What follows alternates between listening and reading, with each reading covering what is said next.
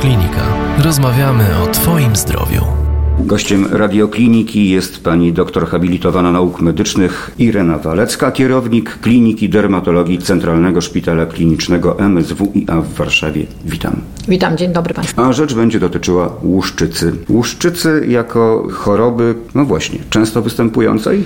To jest choroba, która występuje mniej więcej od 1 do 5% populacji. W Polsce choruje około 1 miliona osób i oczywiście w zależności od tego, jaki łuszczyca ma przebieg, no to można ją podzielić na lekką i umiarkowano do ciężkiej i właśnie z tego miliona osób, mniej więcej 80% osób na szczęście ma łuszczycę o lekkim przebiegu, natomiast 20% to już są pacjenci, którzy mają tą łuszczycę umiarkowano do ciężkiej, którzy wymagają no, zupełnie innego leczenia.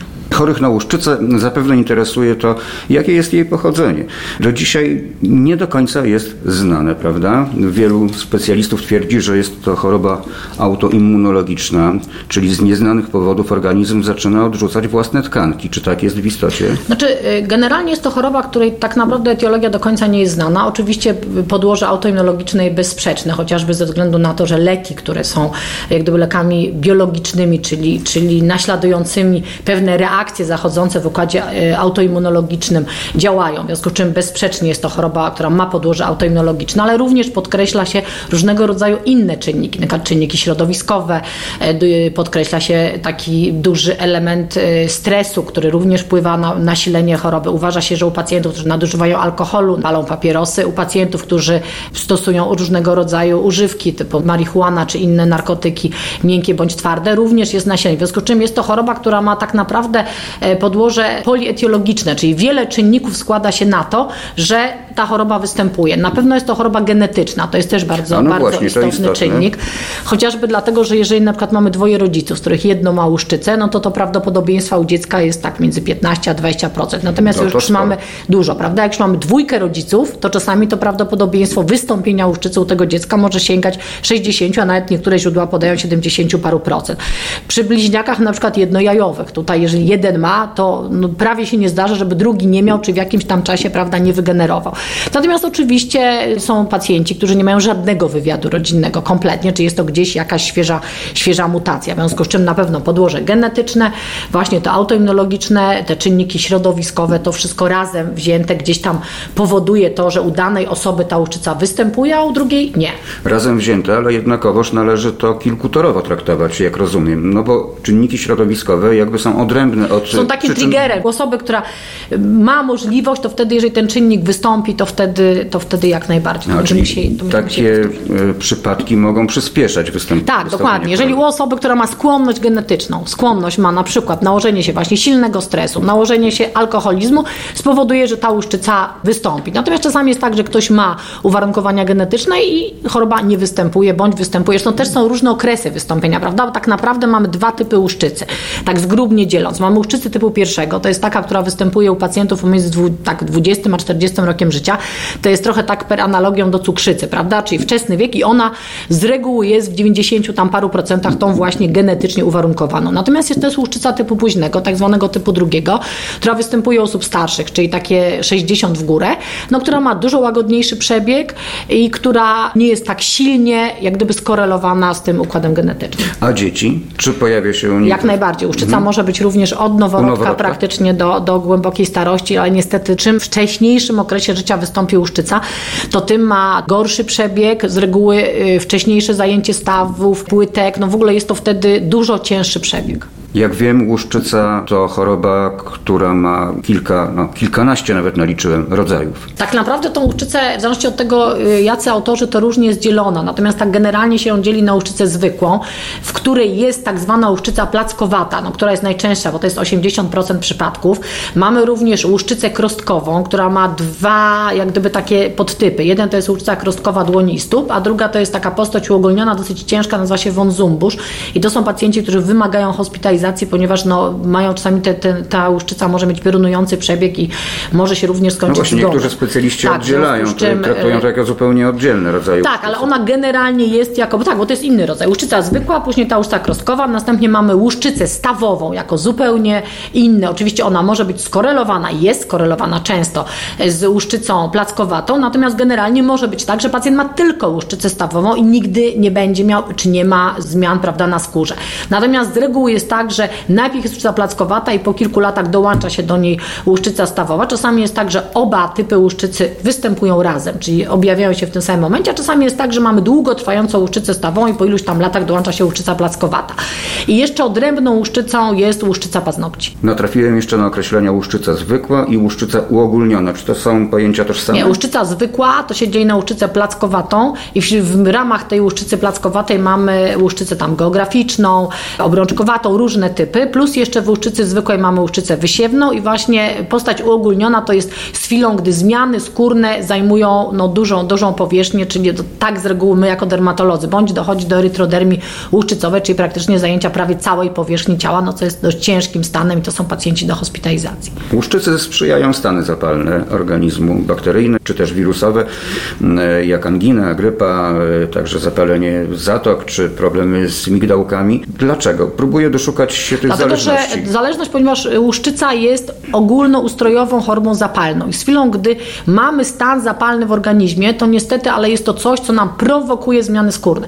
W związku z czym dla pacjentów zalecenie jest bezwzględne. Wszystkich, którzy mają łuszczycę, przede wszystkim stomatolog, czyli zęby, laryngolog, wykluczenie ognisk infekcji, na pewno u kobiet ginekolog, u mężczyzn, e, no jeżeli są jakieś problemy, e, to wtedy ewentualnie urolog, natomiast generalnie ci pacjenci powinni mieć wykluczone wszystkie ogniska infekcji. Ale ta zależność może działać też w drugą stronę. Łuszczyca, jeśli ją mamy, może też powodować stany Oczywiście, zapalne. dlatego że łuszczyca w ogóle w tej chwili e, uważa się łuszczycę za ogólnoustrojową chorobę zapalną. Ten trwający, permanentny stan zapalny może powodować zmiany w układzie sercowo-naczyniowym, może powodować tak zwane niealkoholowe stłuszczenie wątroby, może powodować stan zapalny właśnie jako łuszczycowe zapalenie stawów, czyli stan zapalny, który jest w stawach, oczywiście tutaj też przy UZS-ie mamy kilka typów, mamy tam centralne zapalenie, czyli jak gdyby kręgosłupa, mamy drobnych stawów, no tutaj też, ale to jest, mówię, to jest domena reumatologów w większości.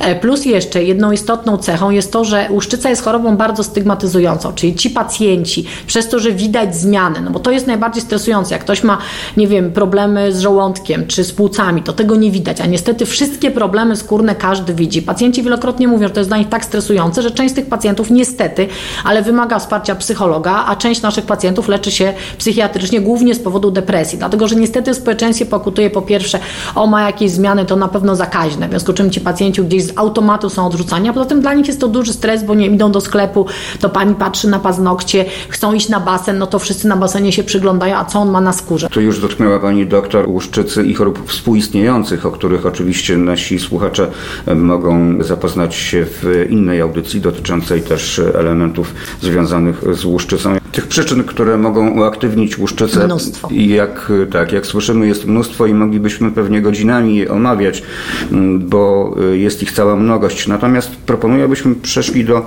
objawów y, łuszczycy, bo mogą być różne. Jakie w ogóle są pierwsze objawy? Czy z reguły pacjenci przychodzą i mówią, pani doktor, mam jakąś taką dziwną zmianę na skórze, taka jakaś łuska, to jest jedna grupa pacjentów, albo mam takie krostki na rękach, no to są właśnie zmiany przypominające taki wyprysk, nie wiadomo co. I w każdym razie generalnie dla wprawnego dermatologa i rozpoznanie łuszczycy po zmianie skórnej, która jest bardzo charakterystyczna, bo to jest tak, tak zwana blaszka łuszczycowa, jest praktycznie proste. Natomiast czasami faktycznie te zmiany łuszczycowe mogą imitować różne inne choroby, natomiast wtedy mamy takie narzędzia jak e, dermoskopia, wideodermoskopia, gdzie możemy zobaczyć w powiększeniu tą zmianę skórną, plus jeżeli mamy naprawdę duże wątpliwości, zawsze możemy pobrać wycinek skóry do badania histopatologicznego, który tak nam jest złotym standardem. Mamy odpowiedź zero-jedynkową, jest albo nie ma. Jest okazja znakomita, żeby powiedzieć, czym y, w istocie jest łuszczyca. To jest wypychanie tego y, Znaczy to jest, na skórka to przez jest narastający... to jest zwiększona Tak. proliferacja po prostu komórek, które e, na skórkach, które się od siebie nie odrywają, w związku z czym wytwarzają taką łuskę, zwłaszcza, że w tych komórkach są jeszcze no, z reguły jądra. Czyli narastanie zbyt wczesne. Zby, czy nie, to jest jak gdyby, jeżeli normalnie jest takie przechodzenie z warstwy podstawnej do warstwy rogowej na skórka w ciągu 28 tak. dni komórki, tutaj ten okres się zdecydowanie skraca do 3-5 dni, prawda? W związku z czym tych komórek się nawarstwia, nawarstwia, one się od siebie nie odrywają i wytwarza się taka właśnie blaszka łuszczycowa. Czyli mogą pojawiać się takie zmiany jak objaw y, świecy stearynowej, objaw auspica, objaw Kebnera. A to to już musimy uporządkować, bo to tak. Jeżeli chodzi mhm. o objaw Kebnera, to jest objaw, który dotyczy przede wszystkim aktywnej łuszczycy. Nie występuje w nieaktywnej. To jest objaw taki, że jeżeli pacjent się mocno podrapie czy zadrapie, to po kilku dniach, 6-10 dniach występuje tak jak gdyby amplifikacja tych zmian, które są. Czyli jeżeli pacjent ma na skórze blaszkę, to w tym miejscu występuje taki szereg blaszek. To jest jedno. Objaw świecy starynowej to jest taki objaw, gdzie po zdrapaniu łuski jest taka błyszcząca powierzchnia zmiany, tak jakby ją wysmarować staryną, prawda? Natomiast auspica to jest y, objaw z chwilą, gdy zadrapiemy tą blaszkę łuszczycową, to występuje na jej powierzchni takie kropelkowate krwawienie. I to wynika z przerośniętych naczyń włosowatych brodawek, brodawek łuszczycy.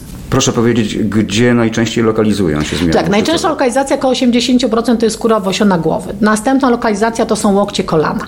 Również może występować w okolicy krzyżowej. Tylko wie Pan co, są takie pewne cechy charakterystyczne, gdzie na przykład jeżeli mamy lokalizację na skórze owłosionej głowy, w szparze pośladkowej, to musimy od razu myśleć na przykład o łuszczycy stawowej, bo są takie pewne predylekcje zmian.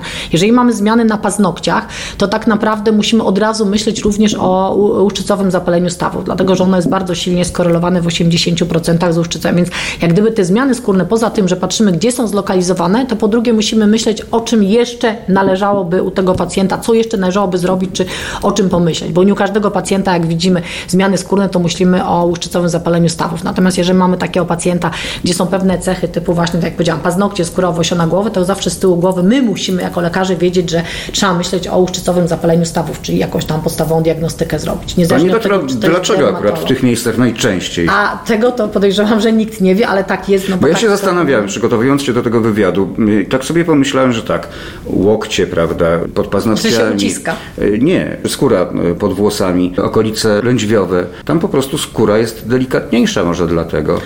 Ja myślę, że, że nie. Po prostu to jest tak, że e, zmiany skórne w różnych chorobach mają pewne predylekcje. Są takie choroby, które na zmiany skórne występują głównie przy nadgarstkach i na, na kostkach, prawda? Są zmiany, które występują na błonie śluzowej. Ja myślę, że łuszczyca po prostu ma takie swoje ulubione miejsca i w tych miejscach jest. To jest trudno powiedzieć, dlatego że to są najczęściej. Natomiast łuszczyca może być w każdym miejscu, w każdym. Może dotyczyć narządów intymnych, co jest no, bardzo trudne do leczenia dla pacjenta też.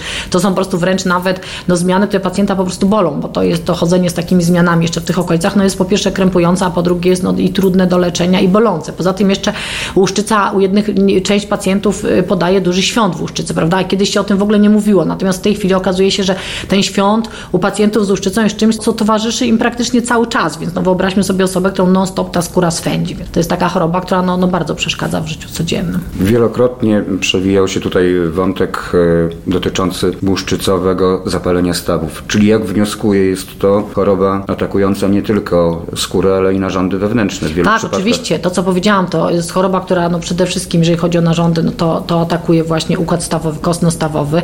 Mogą być zmiany w układzie krążenia, czyli ci pacjenci mają wcześniej, e, wcześniej mają na przykład e, zmiany takie właśnie miażdżycowe, wcześniej mogą mieć na przykład zawał serca, mają y, czasami cukrzycę, zdecydowanie częściej niż zwykłe inne, mają otyłość, bo są pacjenci z dużej części, mają zespół metaboliczny, mają stłuszczenie wątroby, takie niealkoholowe. W związku z czym no, to jest choroba, tak jak powiedziałam, ogólnoustrojowa. Takiego pacjenta to nie może być tak, że go tylko ogląda dermatolog i wszystko. Tak naprawdę takimi pacjentami powinien się zajmować cały pewien zespół, taka tak gdyby opieka skoordynowana, czyli przychodzi do nas pacjent z łuszczycą, to my już wiemy, gdzie go odesłać. Zresztą ja nie ukrywam, że u mnie w szpitalu jest taki powołany oczywiście nieformalnie, tylko gdzieś jakoś między sobą jako, jako kierownicy się umówiliśmy, że jak mamy pacjenta z łuszczycą i wygląda nam na pacjenta, który może mieć powikłania wielonarządowe, to staramy się no, w miarę szybko takiego pacjenta, żeby on był właśnie przejrzany tak przez kardiologa, przez hepatologa. Pacjenci mogą mieć również zmiany w przewodzie pokarmowym, więc to jest jak gdyby no, pacjent, którego należy trochę spojrzeć szeroko, a nie tylko z pozycji jednej, jednej specjalizacji. Ale to jest teoria czy praktyka? Nie, to jest, znaczy tak, teoria e, to jest może powiedzmy w Polsce, natomiast na Zachodzie to jest praktyka, dlatego że na przykład w niektórych krajach, jak Norwegia, e, pacjent, który ma wizytę do doktora dwuosobowego, czyli dermatolog, reumatolog, to jest taki taki mały zespół. Natomiast u nas, no nie ukrywam, że oczywiście no my też w tej chwili staramy się gdzieś tam dążyć do pewnych standardów, ale i tak cieszymy się, że mamy pewne możliwości no dużo większe niż mieliśmy jeszcze kilka czy kilkanaście lat temu, zwłaszcza jeżeli chodzi o Czyli leczenie. jest progres w tym. I absolutnie jest progres. Ja uważam, że jest to wielka rola tutaj różnego rodzaju unii stowarzyszeń pacjentów, która no gdzieś nas wspiera. Na pewno jest to duża rola konsultanta krajowego, rola konsultantów wojewódzkich. No ja myślę, że to środowisko, jeżeli chodzi o dermatologów i reumatologów, to jest tak dość dobrze ze sobą współpracujące. Widzimy własne wspólne tutaj cele, prawda, żeby jakoś tam tym pacjentom pomagać i myślę, że w tej chwili w stosunku do tego, jak obserwuję e, przez ostatnie lata, to zdecydowanie mamy postęp i to taki pozytywny dla pacjentów. No i jeszcze do dermatologa częściej powinni dołączać kardiolodzy, hepatolodzy. Tak, ale no, czy ja wiem, wiemy jak wyglądają kolejki, etc., ale myślę, że to już zależy od tego, kto kieruje, w jaki sposób kieruje i, i myślę, że no, jeżeli faktycznie widzimy, że pacjent bezwzględnie wymaga, to zawsze możemy no, w jakiś sposób to tak załatwić, żeby ten pacjent jakoś tam dotarł. A zapytam inaczej, czy pacjent przychodząc z problemem łuszczycowym do dermatologa może domagać się na przykład skierowania do Nie, nie może się. To już niestety, ale decyzja do tego, gdzie pacjent pójdzie, jakie dostanie leczenie, e, to jest decyzja lekarza. Oczywiście pacjent może się zgodzić, jeżeli chodzi o leczenie, o leczenie może nie. Natomiast jeżeli chodzi o wydanie skierowania, to lekarz decyduje, czy takie skierowanie jest potrzebne, czy nie. Pani doktor, pytanie myślę jedno z najistotniejszych w trakcie naszej rozmowy. Czy łuszczyca jest chorobą zakaźną? Krótko mówiąc, czy podając komuś rękę, komuś, kto choruje na łuszczycę, zarazimy się? Odpowiem trzy razy. Nie, nie, nie. Nie jest chorobą zakaźną, nie zarazimy się i to jest to, z czym walczymy zarówno my, jak i pacjenci, żeby nasze społeczeństwo było uświadomione, że pacjent z łuszczycą to nie jest pacjent zakaźny. Nie jest to choroba zakaźna, ale przechodzimy teraz do kolejnego elementu naszej rozmowy, czyli do leczenia. Czy jest to choroba uleczalna? Czy jest to choroba zaleczalna? Jest to choroba nieuleczalna ze względu na swoje podłoże genetyczne, autoimmunologiczne, środowiskowe, jest niewyleczalna. Natomiast jeżeli pacjenta prowadzi się w cudzysłowie powiem, z głową, to praktycznie e, w części przypadków można osiągnąć praktycznie prawie całkowitą remisję. Jakie metody stosuje się w pierwszej kolejności? E, To zależy od tego. To nie ma, tutaj nie ma pierwszej kolejności. To zależy, właśnie, od, zależy tego, od zależy od tego, oczywiście, zależy od tego, jak, ja powiesz tak, jaka to łuszczyca raz, dlatego, że tak nam ilu pacjentów tyle twarzy. Każda łuszczyca jest inna, każda łuszczyca ma inny przebieg, inne uwarunkowania, a jeszcze dodajmy do tego, że każdy pacjent ma też inny zawód. W związku z czym u, tych, u nie wszystkich pacjentów można stosować takie same leczenie, bo inaczej będziemy leczyć pilota, czy inaczej będziemy leczyć marynarza, którego trzy miesiące nie ma w kraju, bądź który non-stop gdzieś tam jest poza, poza zasięgiem, a inaczej będziemy leczyć osobę, która może regularnie przychodzić do szpitala, zgłaszać się, e, przychodzić na, na jakieś podania leków. Więc to są kompletnie inni pacjenci, więc przede wszystkim trzeba dobrze poznać pacjenta. Po drugie, czy mamy pewne wskaźniki, na podstawie których określamy, jaka to jest łuszczyca, prawda? Mamy wskaźnik tak zwany BSA, czyli wskaźnik powierzchni zajęcia skóry. Mamy wskaźnik PASI, to jest powierzchnia plus jak gdyby jak wygląda zmiany, jak jest naciek, jaka jest łuska, to wszystko tam są pewne wskaźniki, mierniki, z tego wszystkiego wychodzą nam pewne cyfry i mamy tak zwany DLQI, który ja uważam, że jest bardzo istotny, bo DLQI to jest wskaźnik jakości życia pacjenta z łuszczycą, czyli my dajemy taką ankietę, gdzie pacjent dostaje 10 pytań, na te pytania odpowiada i jak gdyby głównie pytamy, na ile ta choroba przeszkadza mu w życiu, bo ona będzie inaczej przeszkadzała pani, która siedzi w banku i która ma codzienny kontakt, a inaczej na przykład osobie, która pracuje w domu, która no, tych wyjść ma dużo mniej, więc poza tym inaczej będzie przeszkadzała osobie bardzo aktywnej sportowo, a inaczej osobie na przykład no, starszej, która już tych aktywności typu baseny, tenisy, prawda, już nie, nie uprawia, więc to są te te trzy jak gdyby wskaźniki BSA, PASI i DELQI i mając określone te trzy wskaźniki jesteśmy w stanie wtedy podzielić łuszczycę na lekką, gdzie głównie stosujemy leczenie miejscowe i na łuszczycę umiarkowaną i ciężką, w której stosuje się najpierw to leczenie tak zwane ogólne, klasyczne, a później ewentualnie przechodzimy do leczenia biologicznego, jeżeli nie osiągnęliśmy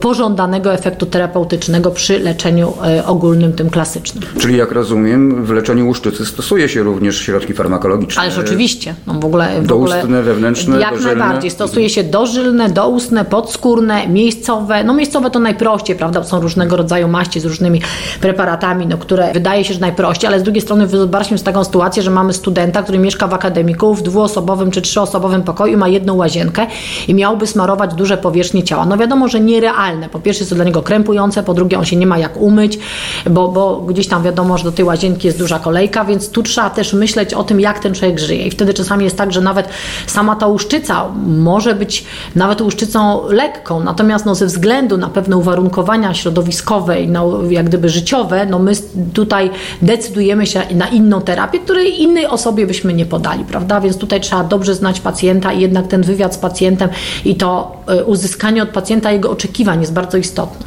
A więc działania bezpośrednio na skórę, działania farmakologiczne doustne, dożylne i wszelakie inne, tak. ale też fototerapia. Jak najbardziej. Fototerapia, taka terapia przejściowa również, tylko też proszę zauważyć, że jeżeli chodzi o fototerapię, to jest, e, są ośrodki, które tą fototerapią dysponują. To są głównie duże ośrodki w dużych miastach. I niech Pan teraz się postawi w sytuacji o starszej osoby, która musi dojechać 100 km trzy razy w tygodniu, żeby przyjść na 2 czy 3 minuty na lampę. No wiadomo, że nie będziemy takiej terapii proponować, bo dla tej osoby sam dojazd 100 km to po pierwsze jest czas, po drugie to są pieniądze i, i jak gdyby no tutaj wiadomo, że ta osoba nam od razu powie, zresztą to wiem z praktyki, że nie absolutnie, pani docent, ja, ja w ogóle y, takiej terapii nie, no nie podejmę się, bo po prostu nie dam rady kilka najważniejszych rad dla chorych, czyli życie z łuszczycą. Znaczy tak, po pierwsze, jak tylko Państwo zobaczą zmiany skórne, które mogą Państwu przypominać zmiany łuszczycowe, to natychmiast trzeba się zgłosić do dermatologa, nie leczyć się samemu. Po drugie, oczywiście można czytać fory internetowe, jak najbardziej, ale ja myślę, że taka szczera rozmowa z lekarzem to jest trochę więcej niż porada na forach internetowych, chociaż ze względu na to, że tak jak powiedziałam, każda łuszczyca jest inna. Po drugie, myślę, że bardzo ważny jest też kontakt z lekarzem, dlatego że jeżeli Państwo macie zaufanie do swojego lekarza, uważacie, że jest to osoba kompetentna, to na pewno ta terapia pójdzie nam szybciej. Bo są pacjenci, którzy po prostu chcą iść tylko i wyłącznie do tej osoby, bo się z nią rozumieją, a żaden lekarz im nie odpowiada i my to oczywiście szanujemy. Następna rzecz, yy, myślę, że łuszczyca to nie jest koniec świata, dlatego że mamy sportowców żyjących z łuszczycą, yy, mamy bardzo sławne osoby żyjące z łuszczycą, mamy celebrytów, yy, celebrytów mamy tak właśnie piosenkarzy i myślę, że te osoby żyją i nawet Państwo nie wiecie o tym, że one mają łuszczycę, no w związku z czym, że jeżeli Państwo nie wiecie i tego nie widać, no czyli z tą łuszczycą coś można zrobić. Po drugie myślę, że na tyle szybko idzie medycyna, że leki, które w tej chwili mamy, to są już leki bardzo nowoczesne. Jeżeli chodzi o terapię w Polsce, my praktycznie nie odbiegamy od leków na świecie. Może oczywiście brakuje kilku leków, które by nam się przydały, ale bez tych leków też sobie radzimy. Wchodzą nowe leki biologiczne, w związku z czym jest to na pewno szansa i jednocześnie możliwość dla tych pacjentów, którzy mają ciężką łuszczycę. E, wiadomo, że są pewne mniejsze ośrodki, które nie mają możliwości leczenia biologicznego, ale tu ja mówię o ciężkiej łuszczycy, ale są ośrodki duże, które mają taką możliwość, więc zawsze możecie Państwo się zgłosić ze skierowaniem do dermatologa, do dużego ośrodka. E, jeżeli chodzi o nasz ośrodek, to my praktycznie przyjmujemy pacjentów z całej Polski i serdecznie zapraszamy do kliniki dermatologii Centralnego Szpitala Klinicznego MSWiA. Przyjmujemy praktycznie wszystkich pacjentów, wszystkim udzielamy rady. Mamy możliwość leczenia biologicznego, a poza leczeniem biologicznym również duże ośrodki prowadzą tak zwane badania kliniczne. To są leki, które e, są lekami e, no, niedostępnymi jak gdyby w ramach refundacji, natomiast Państwo dostajecie je za darmo. E, możecie być w programie 18 miesięcy, czasami 24 miesiące i no nie ukrywam, że, że ci pacjenci czasami po tych badaniach klinicznych praktycznie mają bardzo długą remisję i wyglądają świetnie i tak no, o niczym innym nie marzą, tylko o tym, że jeżeli cokolwiek by się działo, to znowu, żeby dostać badanie kliniczne. Więc naprawdę jest to choroba, z którą można żyć, tylko trzeba do niej mieć e, no, pozytywne podejście. No i jeszcze apel dla tych, którzy nie chorują na łuszczycę. Nie bójmy się chorych, cierpiących na tę przypadłość, nie zarazimy się, żyjmy z nimi normalnie. Znaczy ja myślę, że w ogóle to nic gorszego nie ma, jeżeli ktoś e, wykazuje brak empatii wobec drugiej osoby. To chyba niezależnie od tego, na co ta osoba choruje, ale zawsze gdzieś trzeba mieć w sobie tyle jakiegoś e, poczucia moralnego i jakiejś empatii, żeby jednak no, starać się nie pokazywać po sobie, że coś nas brzydzi, czy coś jest okropne, czy że ktoś wygląda nieładnie, bo to również może nas spotkać za chwilę. To tak jest, że to z reguły wraca. I to jest znakomita puenta naszej rozmowy. Myślę, że po tym wywiadzie wiemy dużo więcej, jeśli nie wszystko o łuszczycy. O nie, o łuszczycy to można mówić godzinami. To jest tak ciekawa choroba, że, że to to się nie da powiedzieć w 15 czy 20 minut. Goście w radiokliniki była pani doktor habilitowana nauk medycznych Irena Walecka, kierownik Kliniki Dermatologii Centralnego Szpitala Klinicznego MSWiA w Warszawie. Bardzo dziękuję. Dziękuję serdecznie i pozdrawiam Państwa, zwłaszcza tych Państwa, którzy cierpią na łuszczycę. Więcej audycji na stronie radioklinika.pl i w naszej aplikacji mobilnej.